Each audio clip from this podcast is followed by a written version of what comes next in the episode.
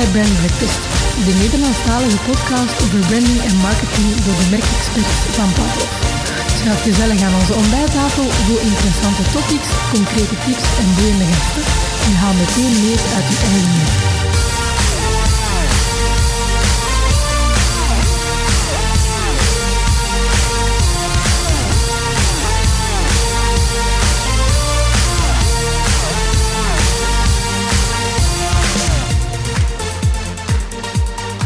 Goedemorgen, beste luisteraars van onze Brand Breakfast podcast. Welkom in onze 37e aflevering intussen uh, van de podcast. Het is een speciale aflevering vandaag, een jubileumeditie, uh, want wij vieren drie jaar uh, podcast intussen. we hebben intussen ook heel wat reacties gehad en heel wat nieuwe geregistreerden die ons volgen, nieuwe abonnees eigenlijk, moet ik, moet ik zeggen. Het is iets anoniemer dan dat, hè? ze zijn niet geregistreerd. Voilà, exact. Ze zijn niet geregistreerd, maar ze volgen ons wel. En om dat te vieren hebben wij eigenlijk ja, verzocht aan jullie om allerlei vragen en uh, ja, prangende, uitdagingen, prangende ja. uitdagingen door te sturen naar ons over branding, over marketing, over strategie, over klantbeleving, noem maar op. en daar gaan we vandaag eens doorgaan. ik ga dat doen met mijn twee collega's. mijn collega Stef, zoals altijd, vervolgt mij. En ik heb ook mijn collega Annelies hier tegenover mij. Goedemorgen, Annelies. Goedemorgen. Kringetje, kringetje merkstrategen, als het ware, uh, om ons over al die uitdagingen exact, te Exact, Nu, voor alle duidelijkheid, uh, we hebben een heel aantal vragen toegekregen van jullie uh, als luisteraar. We hebben daar een, een kleine selectie uitgemaakt, want deze keer hadden we wel redelijk wat inzendingen, wat heel fijn was. ik moet er natuurlijk ook bij zeggen, want dat hebben jullie ook beloofd. wij verloten op het einde van deze aflevering een boekenpakket van Pelkmans uitgeverijen. Um, welke boeken zitten daar allemaal in, Stef? Uh, dat is een, een pleiade aan, uh, aan topwerken, al zeg zelf. uh, wat zit daar allemaal in? Daar zit onder andere You Do You zit daarin, van Stefanie Duval en Nelle Pieters. Mm -hmm. mijn eigen laatste worp, Brand Hacking, zit daarin. De wereld is rond, van Joko Dron, zit daarin. en dan moet ik zelf al eventjes denken, wat is hier eigenlijk beter op tafel gelegd. geen commentaar, van Sarah Verkouter ja, zit daarin. enfin, bon, vijf topboeken in elk geval uh, inderdaad aangeboden door Pelkmans, waarvoor dank uh, onze lieve vrienden bij de uitgeverij, die onze podcast ook uh, warm genegen zijn of warm toegenegen zijn. Dus dat is, dat is leuk. Dus die geven inderdaad straks weg onder een van de inzenders hè, van de, ja, klopt. vele vragen. Nu, het is zo, zoals ik net al zei, we hebben een selectie gemaakt van vragen, yes. maar ook al zou uw vraag vandaag niet behandeld worden, laat niet weg dat we dat misschien eens mee gaan nemen in een andere aflevering. En je maakt net als de andere ook kans op het prijzenpakket straks.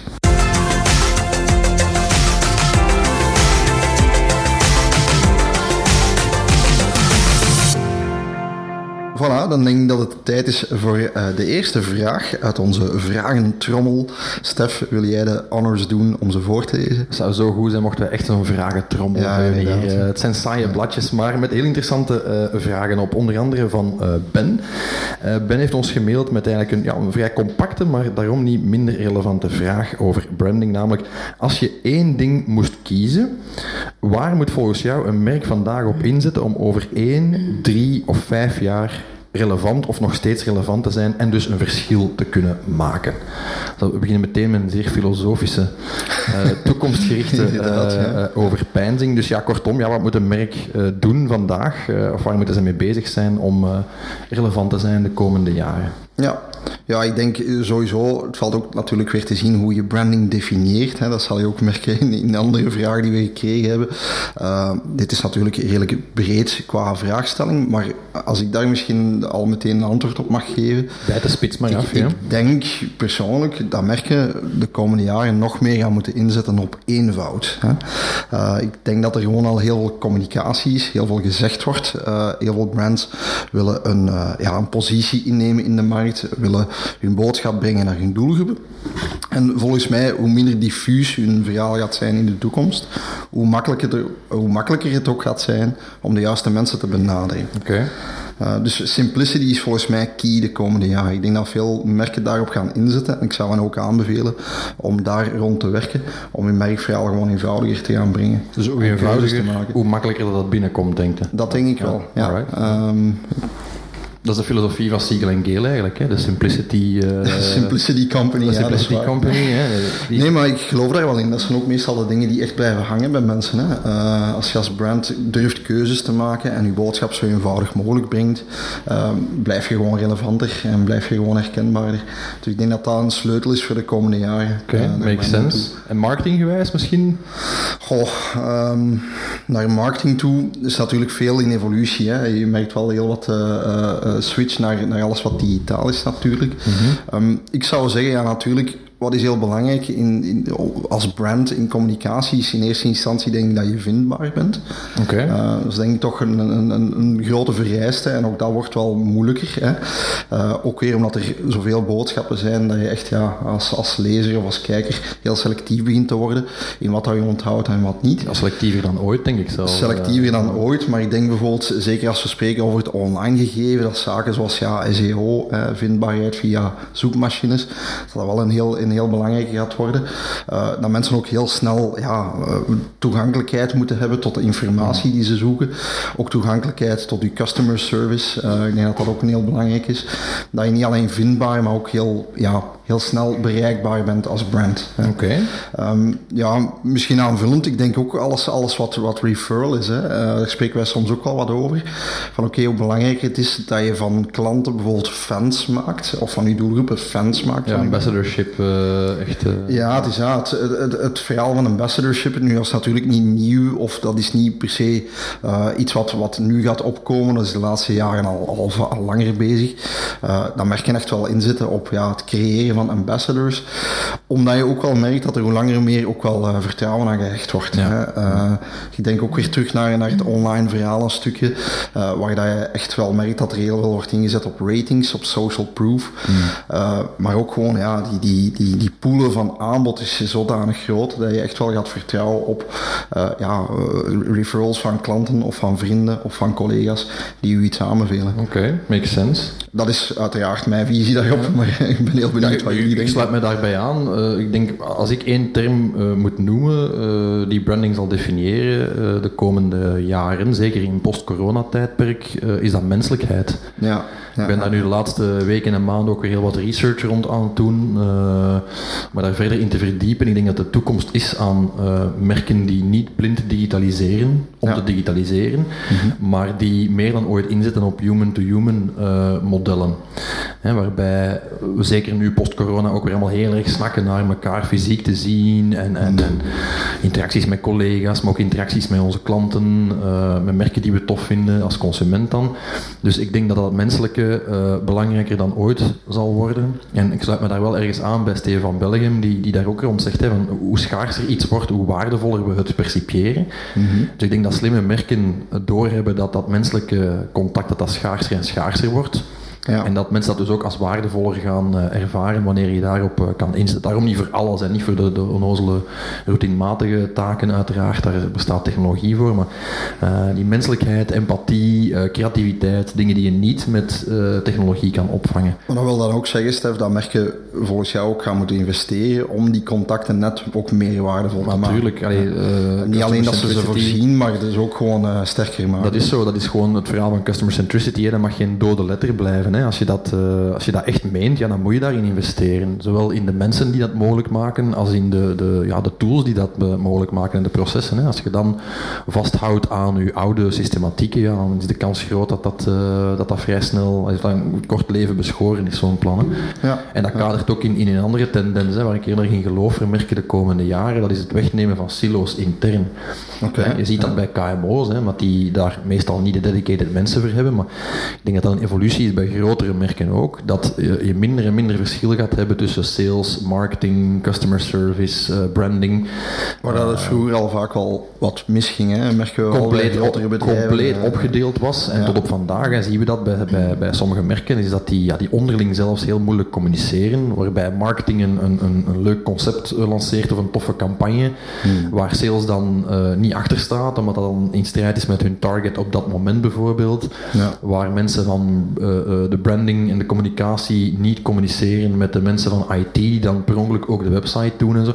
ik denk dat dat een tijdperk is dat finaal afgelopen is en dat we, dat is ook een voorspelling, hè, dat we de komende vijf jaar een evolutie gaan zien naar ja, één soort dienst die alles wat client-facing is zal verzamelen, hè, van sales over marketing tot... ja, misschien ook vertrekken vanuit dezelfde values en dezelfde stijl van werken. Vertrekken vanuit het brand en vanuit de klant die dat brand moet leuk vinden en daar moet. Dat merk je bij bedrijven en organisaties soms ook wel een soort discrepantie hè, tussen wat je in marketing ziet van beloftes hè, en uh, stijl waarop er gecommuniceerd wordt, um, tot dan de effectieve cyclus als we die volgen naar customer service, die dan plots helemaal anders blijkt te zijn of, of minder positief blijft te zijn. Uh, dus inderdaad, ja, uh, een soort consistentie behouden tussen die zaken. ik denk dat, dat het slopen van die interne muren daar misschien al wel veel verschil kan maken ja. bij bedrijven. Ja. Oké, okay, interessant. Dus voilà, die had ik.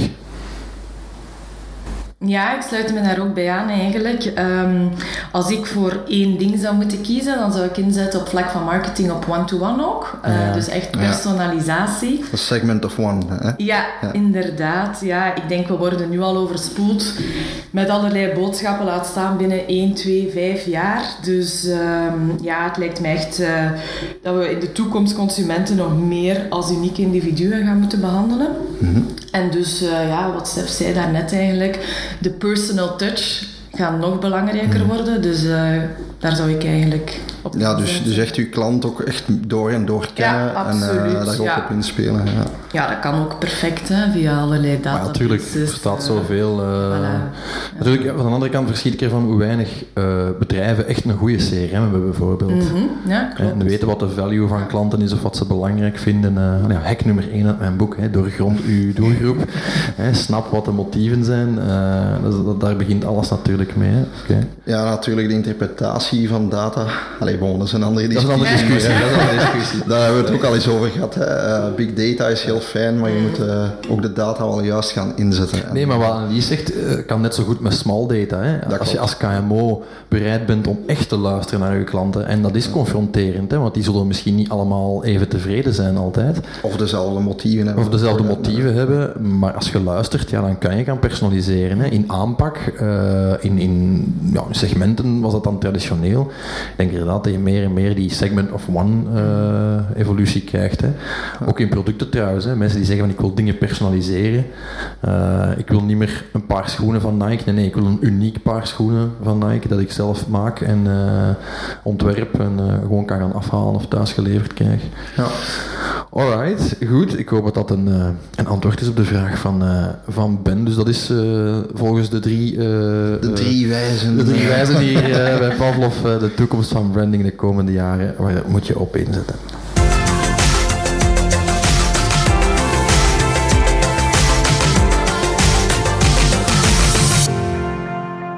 Okay. Oké, dan komen we bij de tweede vraag van Jani. Hoe blijf je creatief en out of the box rekening houden met de bestaande regels op het vlak van marketing-communicatie? Waar ligt de grens? Oké. Creatief en out of the box binnen de regels van marketingcommunicatie. Ja, inderdaad. Ah, misschien nu, wat zijn de regels? Ah, voilà, misschien, misschien we het daar eens over hebben. De bestaande regels.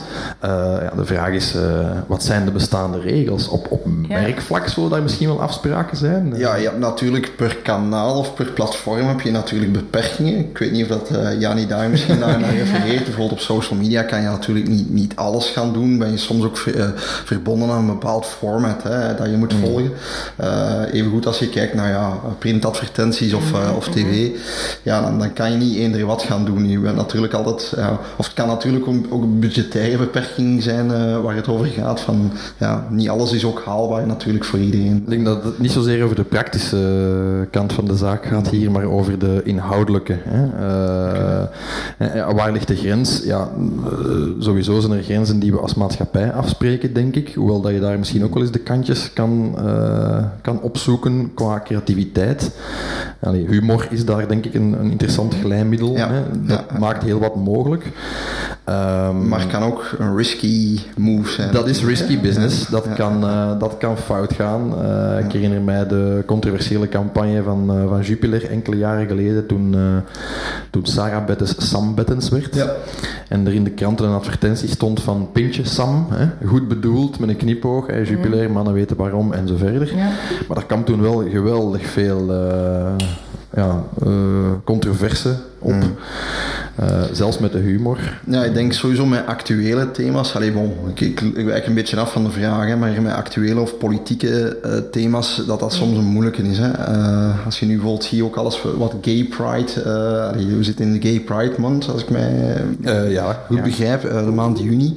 Ehm, ja, daar zie je ook al heel wat brands daar een karretje aan vasthangen, maar ook niet altijd even, ja, even authentiek, laat ik het zo zeggen, of niet even doortastend. Hè. Er is een verschil tussen echt ja, die, die die values uh, hanteren en gewoon op je Twitter profiel of op je Facebook ja, regenboog foto een regenboog avatar zetten. En dan vooral niet in de landen waarin, uh, waarin uh, homofilie of allee, LGBTQ zeker niet aan de orde is. Daar, daar, merken we dan dat ze dat niet doen. Hmm. Dus ja, ik heb soms mijn bedenkingen, zeker als je zoiets gaat claimen of ja, dat daar iets rond gaat doen, ja, dan moet je het wel te goede kunnen doen. Dan moet je echt een statement kunnen maken. ja. ja, ik denk denk breder op de vraag creativiteit. Ik denk dat je altijd out of the box kan gaan. Hè. Uh, wat houdt u tegen uiteindelijk om creatief te zijn? Ja, misschien zelfs moet gaan. ja, dat vind ik. Ja, zelfs moet gaan om op te vallen. De vraag is, is het ook altijd nodig? Hè? Moet je altijd uh, allee, uh, compleet out of the box gaan om je boodschap goed, goed te brengen? Dat zal ook een beetje afhangen van merk tot merk. Ja, het, is, het is, een goede zaak van Jani dat ze een heel algemene vraag stuurt, ja. die voor iedereen inderdaad wel van toepassing kan zijn, ook qua antwoord. Van de andere kant is het zodanig breed dat het natuurlijk moeilijk is om. Ik vind veel van het antwoord op zo'n vraag is afhankelijk van context. Hè. Wie wil je bereiken? Ja, uh, is dat een conservatief doelpubliek? Uh, allez, wij, wij, hebben klanten in de, de verzekeringswereld bijvoorbeeld. Ja, daar, daar moet je niet te wild willen doen, denk ik. Hè. Uh, hoewel dat ook daar ja, misschien de regels herschreven worden als we dan toch in regels spreken. Mm -hmm. Terwijl een merk dat natuurlijk voornamelijk jongeren moet, moet bereiken, ja, daar is de sky the limit, denk ik. of zie ik dat verkeerd? Ja, ik denk zelf in het algemeen, um, welk merk dan ook, je moet ook wel disruptief zijn toch om op te vallen. En hmm. zelf al zit je dan in een saaiere sector of... Uh, dan denk ik van oké, het, uh, het disruptief is belangrijk en, en door net out of the box te gaan denken, ga je, ga je ook meer bereik hebben of net eruit springen. Dus hmm ja, ik zou mij niet te veel regels ook opleggen. Ja, ja. misschien dat, hè, dat je ze jezelf gewoon oplegt. Hè. Wat zeker niet slecht is in het kader van een brandingoefening, dat je op een gegeven moment zegt van ja, daar ligt ergens een grens, of dat zijn de dingen die we willen uitspelen, en dat zijn vooral de dingen die we niet willen uitspelen. Mm Aan de andere kant, ja, om, om wat attentie te krijgen, mag het misschien ook al wat. Het mag zeker, maar ik vind het ook geen verplichting. Ik vind niet dat elk brand disruptief moet zijn. Nee, maar wel uh, differentiërend genoeg om een onderscheid te maken met zijn concurrenten natuurlijk. Ja, dat, wel. Dat is waar. Ze moeten wel iets kunnen claimen, maar dat is dan vooral in messaging, denk ik. En niet noodzakelijk in per se out of the box denken of, of een creatieve stunt doen in marketing. Of, uh... ja, ik kijk een beetje naar analyse met al uw ervaringen bij, bij grote merken. Bijvoorbeeld bij een Alpro, hoe deden jullie dat daar? Want ja, je kan zeggen, dat is op zich een banaal FMCG-product. Eh, maar daar heb je dan toch wel een manier bedacht om dat te gaan positioneren op een andere... Ja, uiteraard. Soja als saai ingrediënt plots een, aant een aantrekkelijk ingrediënt gaan maken, was op zich uh, een out-of-the-box thinking, om dan eigenlijk plots vindt iedereen alternatieve ingrediënten interessant. Ja. Dus uh, voilà. En hip zelfs. En hip, uh, uiteraard. Hipster zelfs. Ja, alles wat non-cow is, dus ja. ja. Als je zelf ook geen gebruiker van Alprost hebt, Jazeker. zou je niet meteen als hipster bestempelen, maar goed. Allerminst, maar uh, ja. Nee, ik, ik, val, ik val niet echt binnen de persona, denk ik, die daar ontwikkeld geweest is. Uh. Ja, de, pas op, pas op, tegenwoordig. Ja, mannen, mannen zijn ook de target. Wel, en dat op zich ook al, want ik vind het eigenlijk ook een heel aantrekkelijk brand. Maar goed, we gaan nu heel veel door op, op Alpro. Maar inderdaad is zoals je zegt, uh, Annelies, dat je ja, soms met een, met een, ja, een product of uh, iets wat, wat niet sexy lijkt, misschien wel heel creatief uit de hoek kan komen. Ja. ja misschien moeten we afronden met er uh, voor de volledigheid aan toe te voegen dat Jani, de, de, de, de jonge dame die de vraag hier stelt, die vraag stelt vanuit een, een onderwijsmerk. Hè, dat we niet ja bij, naam zullen noemen. Ja. En dan kan ik me wel inbeelden bijvoorbeeld dat er daar wel wat al dan niet ongeschreven wetten zijn. Hè, van, ja, je, wil, je wilt jongeren bereiken, dus het mag allemaal wat trendy, out of the box, creatief, met een knipoog, met wat humor misschien. Maar tegelijkertijd wil je ook niet de goede gemeente. Ik denk dan aan ouders en leerkrachten uh, schofferen met dan dingen. Ik denk aan, aan de vaccinatiecampagne de voorbije weken waar zoveel om te doen geweest is. Hè, van, uh, spuit me maar vol. Uh, via smart school. Bij jongeren, inderdaad, dat kan dan op smart school. veel ouders verslikten zich toch in hun... Ja, ik denk, zeker als je spreekt, allee, ik weet niet precies of dat het context is, maar als je spreekt over een context met minderjarigen, ga je inderdaad moeten opletten. Hè. Hmm. Ehm, ik denk dat daar wel wat gevoeligheden spelen, in welke mate dat je dat doet. En zeker vanuit een, een, een gesubsidieerd orgaan, wat ik aanneem dat het is, hmm.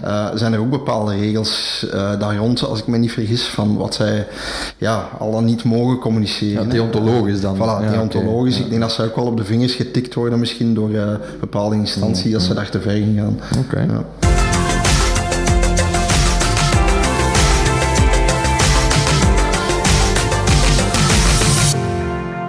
De volgende vraag die wij geselecteerd hebben is eentje van Jerry.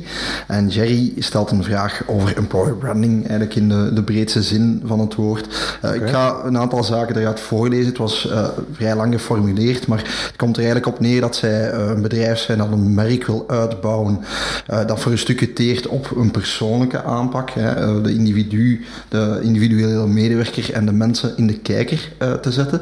Okay. maar ze, ze ontdekken hier en daar wel wat challenges om mensen zover te krijgen zich te verbinden aan het merk. En, outen, als het ware. Ja, te outen aan het merk. Uh, en ja, bijvoorbeeld met hun profielfoto op de website te staan of uh, ja, met een verhaal op social media te staan en zo verder. En zijn vraag is eigenlijk in, in concreto, hè, als heel wat mensen binnen ons bedrijf of binnen een bedrijf in het algemeen dat niet, zien, dat niet zien zitten, hè, is het dan interessant dat we gaan forceren hè, om dat te doen, om zich echt te gaan leren, te verbinden aan ons merk eh, hij vult eraan toe, uh, als de 80% die het wel ziet zitten, uh, dat we die betrekken, gaat het dan nog wel authentiek genoeg zijn? Hè? Of hebben we echt iedereen aan boord nodig om een authentiek verhaal te kunnen brengen? Oké. Ja, uh, dat laatste denk ik dat je daar al zeker ja op kunt antwoorden. Ik denk dat, dat, denk dat zo'n verhaal niet staat of valt met uh, 100% betrokkenheid. Mm -hmm. Allee, ik bedoel ermee van 100% van de mensen die betrokken zijn. Mm. Ik denk wat je vooral moet hebben is een x aantal trekkers die zeer visibel uh, willen en kunnen zijn. Ja. ja. Uh, en dat het daar al mee start. En dat is volgens mij, allee, authenticiteit heeft volgens mij niet met de, de, de, kwantiteit te maken. Tenzij dat jullie dat anders zien. Uh. Ja, en ik denk dat een commitment zich ook op verschillende manieren kan outen. Hè. Iemand kan heel tevreden zijn of zich heel verbonden voelen aan een merk, maar misschien niet zo vocaal zijn of niet de reflex hebben om daar zelf veel over te communiceren. Ja. Um, ja, daar sluit ik mij eigenlijk bij aan. Ik denk ook dat je een onderscheid moet maken tussen verbondenheid en echt een, een zekere engagement naar je job. Maar er is ook nog wel een verschil, misschien op vlak van privacy. Iedereen ziet dat anders in. of vult dat anders in. Ja.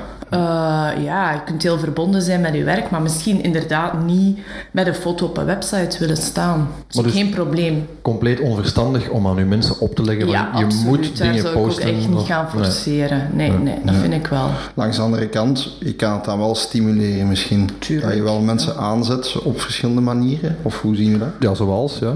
Uh... Ja, ik denk, ik spreek destijds in, in het verleden deden wij bijvoorbeeld uh, rond social media ambassadorship wel redelijk wat.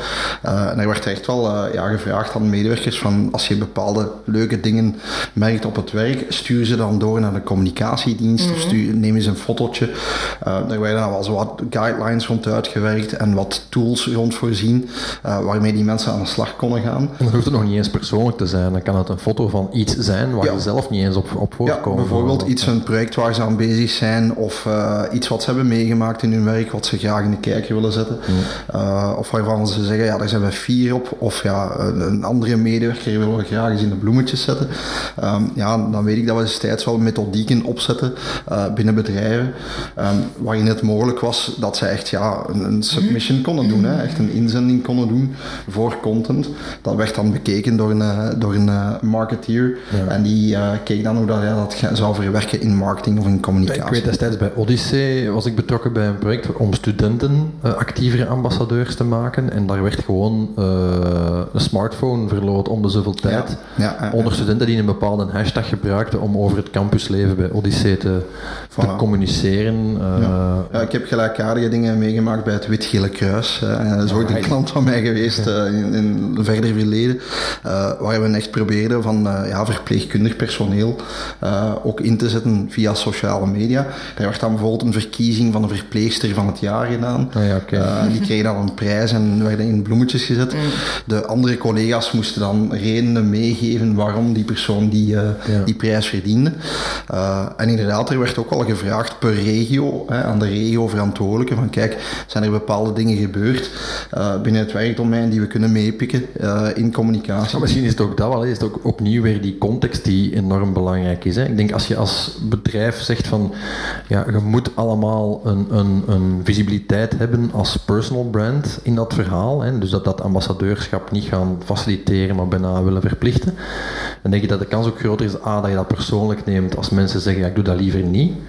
Ehm, ja, dan, dan, ja, het, waardevol blijven voor alle betrokkenen, denk ik. Hè.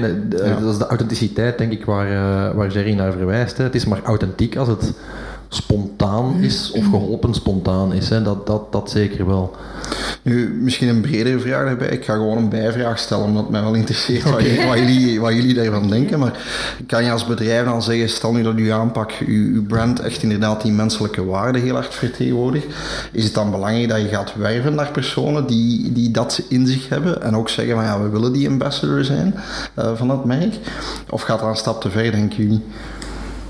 Dat je het ook als een verwachting stelt ergens. Uh, van goed, ja, ik, ik, uh, we, leggen ja, personen aan die mij wel Voor mij lijkt dat een stap te ver, omdat je dan bijna gaat recruteren en mensen gaan screenen op iets dat je extern wilt communiceren. Ja, dat zou ik nooit doen. In die end, allee, het is iets als bedrijf, je wilt een, een value, aantrekkelijke value propositie naar je werknemers geven. Mhm. En dan ga je het communiceren. En, en oké, communicatie is daar deel van. En mensen op de website uh, foto's en, en allerlei een campagne uitwerken. Mhm. Maar in die end gaat het eerst intern moeten goed zitten. en die personal approach, ja, dat komt dan toch wel. Dat is zeker waar. Je kan omgekeerd natuurlijk ook redeneren. Maar kijk, als dat echt tot de core values van uw verhaal behoort mhm. en je creëert een cultuur die, ja, ja. die dat stimuleert, dan is het ook niet onlogisch dat je daar al dan niet bewust op let wanneer je mensen aantrekt natuurlijk. Hè. Dus dat is, dat is een, een, een, verhaal dat aan beide kanten werkt. Maar ik ben het wel met u eens. Dat is ook opnieuw ook weer dat forceren. Hè. Van, mhm. van in hoeverre forceer je het als je op basis daarvan gaat recruteren. Misschien heb je iemand die zeer introvert is die bijzonder getalenteerd is en mm. in, binnen dat team een enorme rol uh, kan vervullen, die je dan niet aanwerft omwille van het feit dat hij of zij het niet bereid is om, om mm. op een tafel te springen. En, Vind ik ook. Uh, maar er is wel iets zoals fierheid. Hè? Fierheid uh, om ergens te werken en dat, dat mag je wel laten zien, vind ik. En ik denk dat je als werkgever dat ook wel ergens mag verwachten, op voorwaarde dat je je mensen ook wel een reden geeft om fier te zijn. Ja, dat is natuurlijk de eerste Dat, dat is stap 1, hè? dus dat is een kwestie van cultuur, denk ik. Um, ja, nee, ik denk, ik ben het zeker met jullie eens van het moet spontaan blijven. Hè. Ik denk nu wel dat je inderdaad wel initiatieven kan nemen om het gewoon mensen ook makkelijker te maken. Hè. Zonder dat je het forceert, maar het ook makkelijker maakt voor hen om ambassadeur te zijn. Door echt in te spelen op die, allee, door bij de onboarding bijvoorbeeld ook heel duidelijk aan te geven wat, de values van dat merk zijn. Um, ja, waar, waar, welk verhaal dat ze mee instappen, waar ze aan bijdragen. Ja. En door ook gewoon tools aan te reiken. Hè. Ik kan mij voorstellen, bijvoorbeeld iemand die technisch aangelegd is, ja, die heeft gewoon niet de reflex om zelf echt te gaan communiceren. Of, of te zeggen van ja, ik, ik, ga, uh, ik ga op een hoge toren staan en ik, uh, ik wil dat mijn gezicht overal uh, op de website of op social media staat.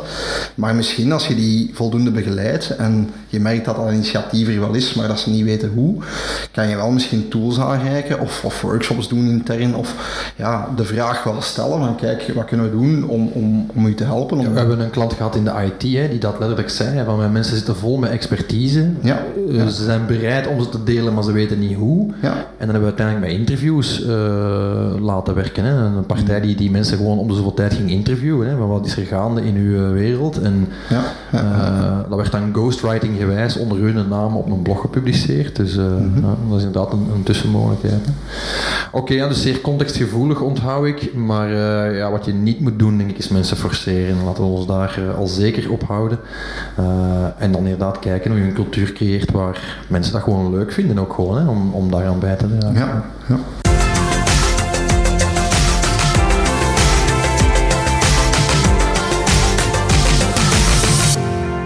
Oké, dan hebben we de vraag van Evi. Hoe kan een stad een sterke branding neerzetten zonder doodsaai te zijn, maar toch binnen het serieuze gegeven van een overheidsbedrijf te vallen? Met andere woorden, hoe vallen we op en spreken we alle lagen van de bevolking aan, inclusie dus, en worden we toch nog au serieus genomen? Als stad ben je natuurlijk geen hip agency. Alright. Oké. City marketing. Yes. Ja, wie wil daar eerst op uh, reageren? Ja, dat is een interessante vraag natuurlijk. Hè. En, en allee, opnieuw, er is een beetje een tendens in, in alle gesprekken of alle vragen die we hebben gekregen, dat we meteen een bijvraag stellen. Maar ik vraag me dan meteen intuïtief luid op af, van, moet, een, stip, uh, moet een stad uh, hip zijn? Hm, ja. Ja, ik denk dat de vraag, zeker uh, als hij spreekt over inclusie, denk dat het vooral gaat over dat je een boodschap zodanig brengt dat ze breed genoeg kan vallen hè, voor alle lagen van de bevolking. En ik kan mij voorstellen voor een stad dat dat wel zeer breed kan zijn. Hè, van ja. een heel jong publiek tot, tot senioren, tot ja, verschillende achtergronden, culturen. Het publiek is enorm verschillend, zowel intern hè, als in inwoners en mensen die wonen en werken in een stad. Natuurlijk, je aantrekkelijk maken naar toeristen bijvoorbeeld is dan ja, weer een ander verhaal. Ja. dan snap ik misschien, marketing, ja, dan snap ik dat je misschien wel eerder inzet op uh, hip of creatief of mm. specialer uh, zijn. Ja, ik denk als we spreken in branding uh, in de context van een stad of een gemeente, ja, mijn, mijn insteek zou zijn om vooral bottom-up te beginnen. Dat is misschien gratuit voor mij om dat zo te zeggen, maar dat je gewoon zegt van oké, okay, wat leeft er in een stad? Uh, wat houdt die mensen bezig? Wat verbindt die samen?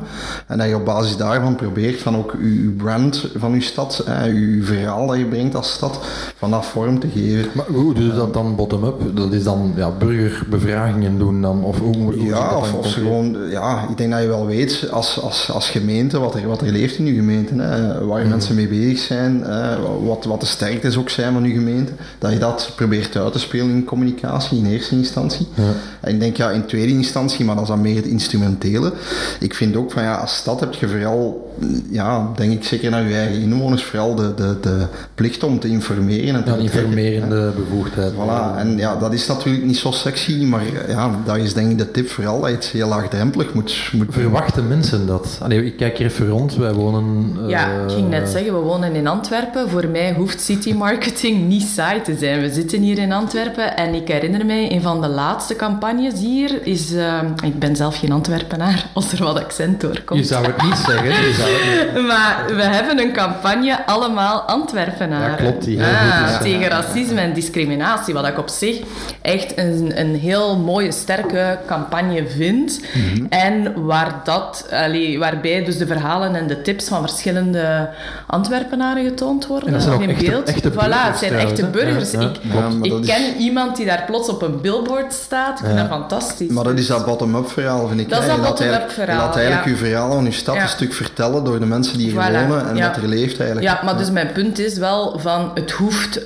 de, in de vraagstelling was, um, werd er gelinkt van sterke branding zonder dood saai te zijn. Ik denk city marketing kan ook wel mm. best uh, mm.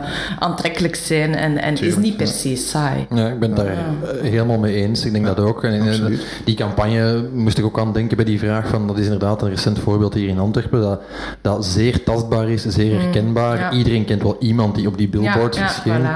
Uh, dus dat, dat denk ik doen ze wel goed. Allee, wij kijken dat natuurlijk door een marketingtechnische bril. Je zou dat eigenlijk aan een onbevooroordeelde inwoner moeten vragen. Maar, ja. Uh, Michael woont niet in Antwerpen. Nee, ik woon in, uh, in, een kleinere gemeente, laat ik het zo zeggen, in Haagt.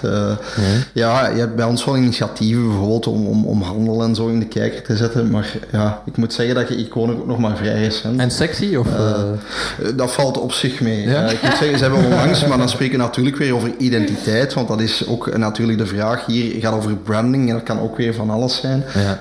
Haagt heeft bijvoorbeeld recent wel ge geïnvesteerd in een nieuw kleedje, een nieuwe merkenidentiteit, okay. met een logo dat met de hand geschreven is, hè, wat het wel heel warm maakt. Dus ik vind op zich hun, hun, hun stijl en ook de duidelijkheid van de communicatie wel goed. en wij krijgen bijvoorbeeld elke, elke maand een bladje in de bus Hè, dat zal ja, in steden uiteraard ook zo, maar dan meer uitgebreid. En daar staat dan bijvoorbeeld in de evenementen die gebeurd zijn. Uh, staat is een handelaar in de kijker. Mm. Staat is een, een verhaal van een vrijwilliger in. En dat vind ik op zich wel sterk, want zelfs als, als, als nieuwe persoon die daar uh, is komen wonen, als, mm. als inwijkeling om het zo te zeggen, hè, want ik ben uh, van nature een Leuvenaar eigenlijk, mm. van geboorte, spreekt mij nou wel aan. Allee, het is toch iets wat ik, wat ik doorneem en allee, ik vind het zowel informatief als inspirerend wel. Oké. Goed, misschien om af te ronden, dus het hoeft niet altijd hip te zijn. Uh, je kan ook creatief zijn. Maar dus ik denk dat het algemene advies hier rond de tafel is van betrek daar uw burgers bij. Oh ja, misschien om terug, te, op, om terug te komen op uh, uw standpunt bij de eerste vraagstaf. Misschien gewoon heel menselijk maken. Mm -hmm. Ik denk dat dat als, ja, als stad of gemeente wel heel belangrijk is. Ja, maar ik snap de vraag wel. Door het menselijk te maken bestaat ook het risico, zeker als overheid, en je moet heel inclusief en heel uh, grootste gemene deler opzoeken en, en vooral niemand tegen de schenen schoppen, bestaat ook het risico dat het wollig wordt. Ja. ja. En, en dat, dat begrijp ik wel uit, uit, uit de vraag van Evi, of dat lees ik tussen de lijnen. Maar ja, het risico natuurlijk is dat je daar ja, een beetje, uh, ik noem dat zo VZW-communicatie, hè, zo uh, een beetje knullig, een beetje gekunsteld, um, waardoor het misschien wel authentiek is, maar uh, ja, dat is natuurlijk anders dan, dan, dan een campagne voor een, voor een, een, een, een modemerk of een FMCG-merk. Daar moet je wel een beetje vrede mee nemen. hoewel het misschien niet slecht zou zijn dat je als gemeente op een gegeven moment radicaal voor iets kiest dat helemaal anders is dan dat natuurlijk. Hè. dat kan ook. Hè.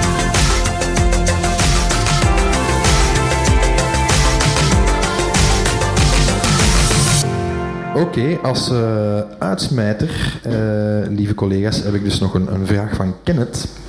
En uh, dat is altijd een leuke vraag om te krijgen, maar ook altijd een heel moeilijke vraag om te krijgen. En we krijgen die doorheen het jaar ook wel eens. Kenneth vraagt, welk merk springt er voor jullie uit op vlak van branding de afgelopen drie jaar? En een bijvraag, welke, welk merk is helemaal ten onder gegaan gedurende deze drie jaar looptijd? Spreken vooral over de coronaperiode dan? Uh, ja, drie jaar is misschien net iets langer, maar uh, eigenlijk in essentie, welke merken zijn ons positief dan wel negatief opgevallen in de, de, de laatste jaren? Mm -hmm. Daar moeten we wel eens goed over nadenken. Hè?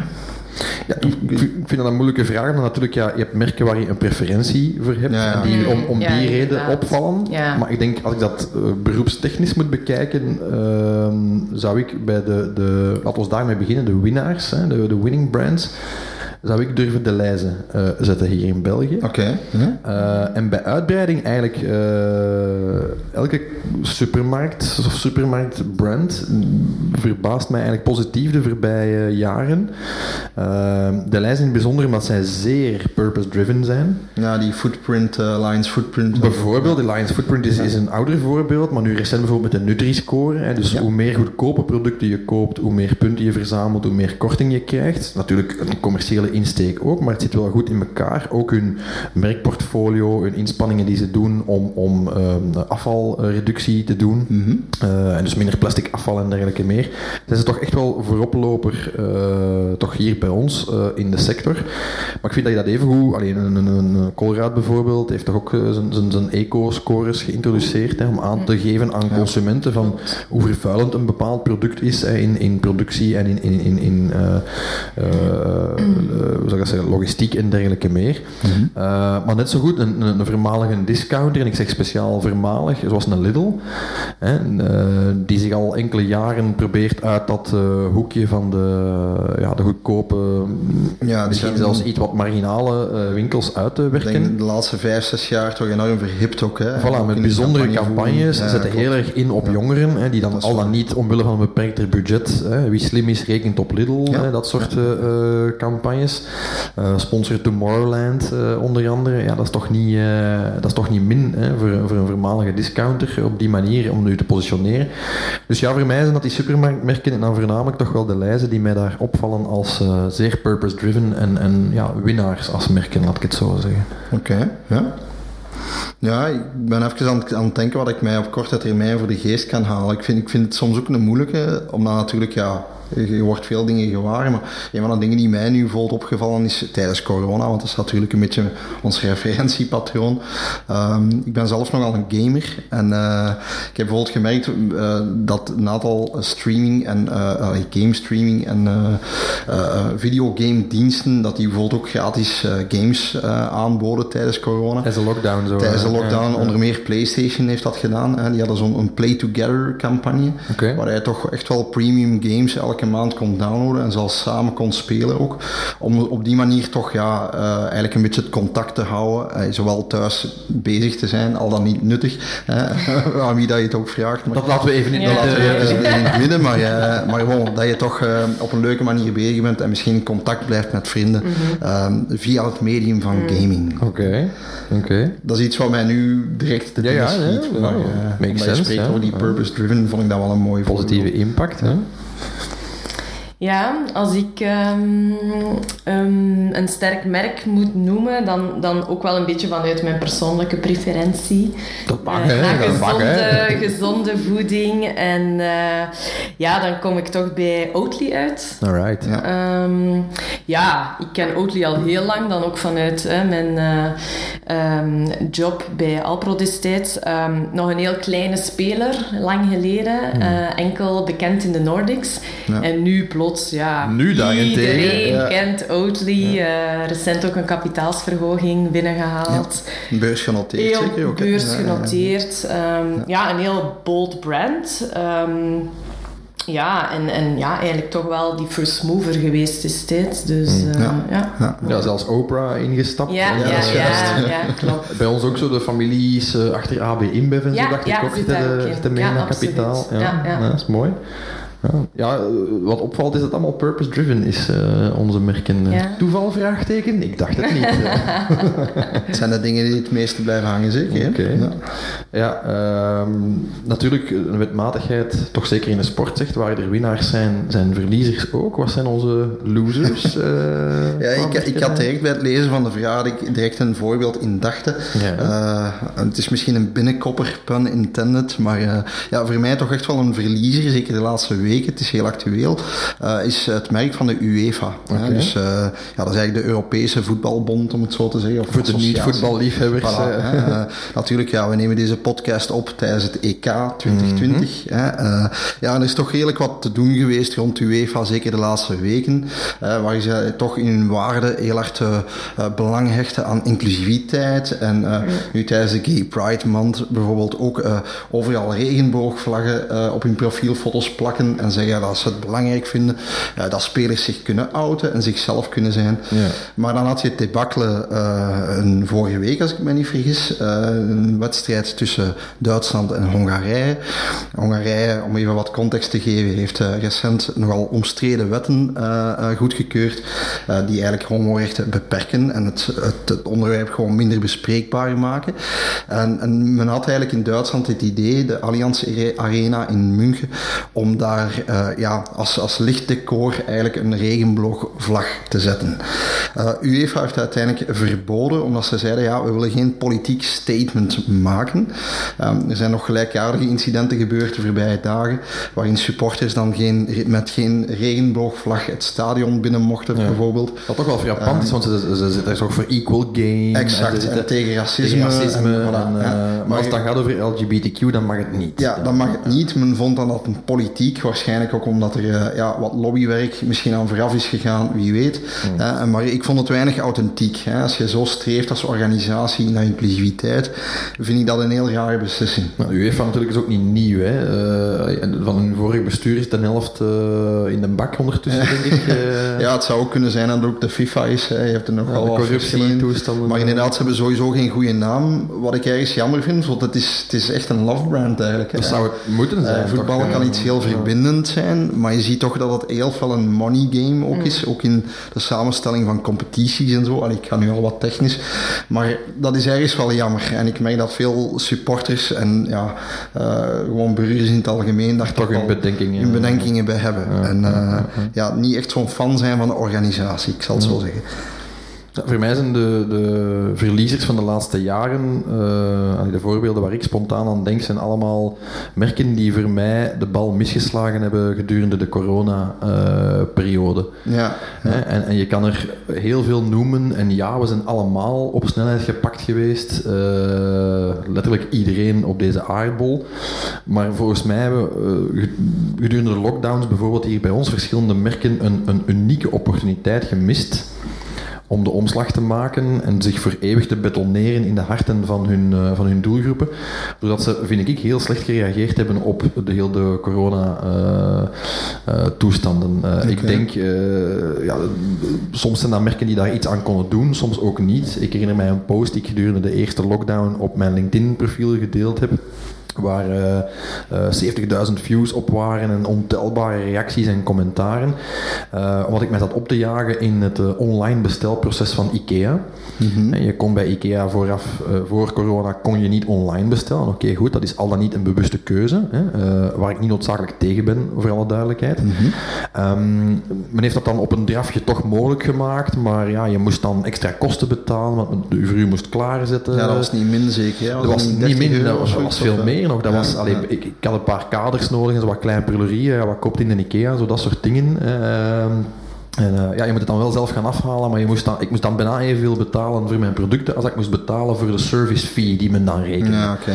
ja. uh, ook op bepaalde uurslots en dergelijke meer. Dus ja, heel erg omslachtig. Ik denk ook aan een B-post. Uh, met alle liefde voor, voor de postbodes en de hardwerkende mensen binnen dat bedrijf, Tuurlijk, die het zeer goed bedoelen. Dat ik me heel duidelijk uitdrukken wat dat betreft. Maar dan denk ik dat je als merk wel de boot mist wanneer je in volle lockdown bij mensen een briefje in de bus steekt van ja, we vonden niemand thuis, dus kom uw pakketje maar afhalen. Ja, dat, dat, dat valt op een koude steen natuurlijk bij uw doelgroep. En, en ik merk dat daar heel weinig begrip voor was. Hè. Ja, men, men was ook niet zo goed voorbereid. Hè. Men heeft eigenlijk niet echt een omschakeling kunnen doen naar zo'n grote hoeveelheid van pakjes. Als ja, dat was vooral in de tweede lockdown ja, een probleem. Ja, dan kwam er ook vanuit de politiek heel veel kritiek op Bpost als merk. Van ja, oké, okay, hoe, hoe durven dat nu te zeggen? Maar mensen moeten bijbetalen voor een thuislevering. En uh, het zou kunnen dat je veel dingen toch als zelf moeten komen ophalen. Ja, juist, ja. Als er nu één moment is waarop je als burger rekent op zo'n bedrijf, dat overigens een, voor een stuk een overheidsbedrijf ja. is gesubsidieerd, is het toch wel op dat soort momenten. En ja, daar hebben ze volgens mij de, de bal misgeslagen. Dat had echt beter gekunnen en beter gemoeten eigenlijk. Mm -hmm. um, voor een bedrijf dat in dat soort transformatie, disruptie zit qua sector, uh, dan denk ik dat andere spelers op die markt daar toch wel slimmer mee zijn, uh, zijn omgesprongen. Uh, ja. Dus ja, dat zijn voor mij zo'n beetje de verliezers. Degene die ja, willen nilles, hè, of als ze het nu zelf in de hand hadden of niet, uh, op bizarre manier met die coronasituatie zijn omgegaan. Zo, ja. Oké, okay, makes sense. Ja. Alright. Goed, dan denk ik dat we daar ook op eh, de vraag van Kenneth een uh, zo adequaat mogelijk ja, vanuit onze, subjectief ja, antwoord ja, hebben gegeven. Vanuit natuurlijk, onze perceptie natuurlijk. Maar, maar dat is zoals we de vraag krijgen van welke boeken over branding zijn goed en welke podcasts zijn goed en dat soort zaken. Ja, dat is altijd heel vijf, subjectief. De vijf boeken in het pakket dat uh, we gaan verloten zijn wel zeer aan te raden. Dat gaan we uh, inderdaad verloten. we gaan daar meteen naar overschakelen en dan weten we wie de winnaar is.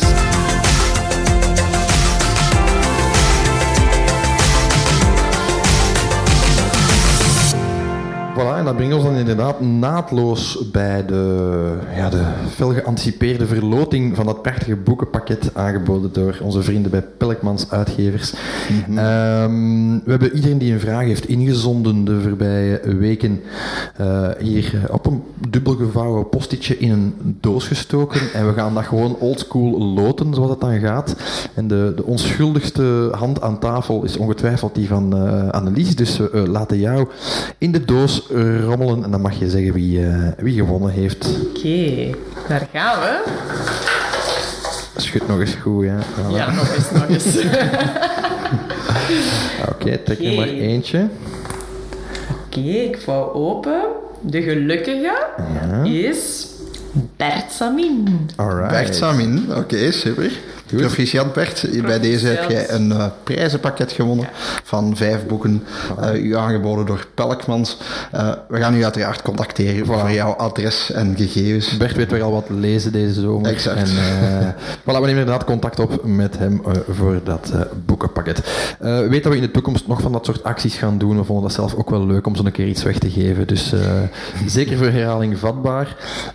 ja, ook voor alle anderen. Hè. Dank u voor het inzenden van een, vraag. Het heeft ons hier uh, uh, soms in het haar doen krabben van oké, hoe, hoe, gaan we daarop uh, op reageren? Maar inderdaad, heel wat interessante vragen die hier gepasseerd zijn vandaag en ook de voorbije weken. Waarvoor onze oprechte dank natuurlijk. Voilà, en dan gaan wij aan ons uh, vierde jaar uh, Brand Breakfast uh, beginnen de komende maanden met zeer interessante gasten. Ik ga nog geen tipjes van sluiers lichten, maar opnieuw grote namen in onze studio die we hier verwachten. Ja, misschien aanvullend ook meegeven, moest u nog niet geabonneerd zijn op onze podcast. Dat is nu het moment. Dan is zeker nu het moment. Ja. Hè? Zeker als je in de toekomst ook nog eens kans wil maken op een prijzenpakket. En als je natuurlijk vragen hebt, opmerkingen, tips voor volgende topics voor komende afleveringen, mag je ons ook altijd contacteren via het gekende e-mailadres hello at brandbreakfast.be. Alright, bedankt allemaal en uh, tot de volgende aflevering.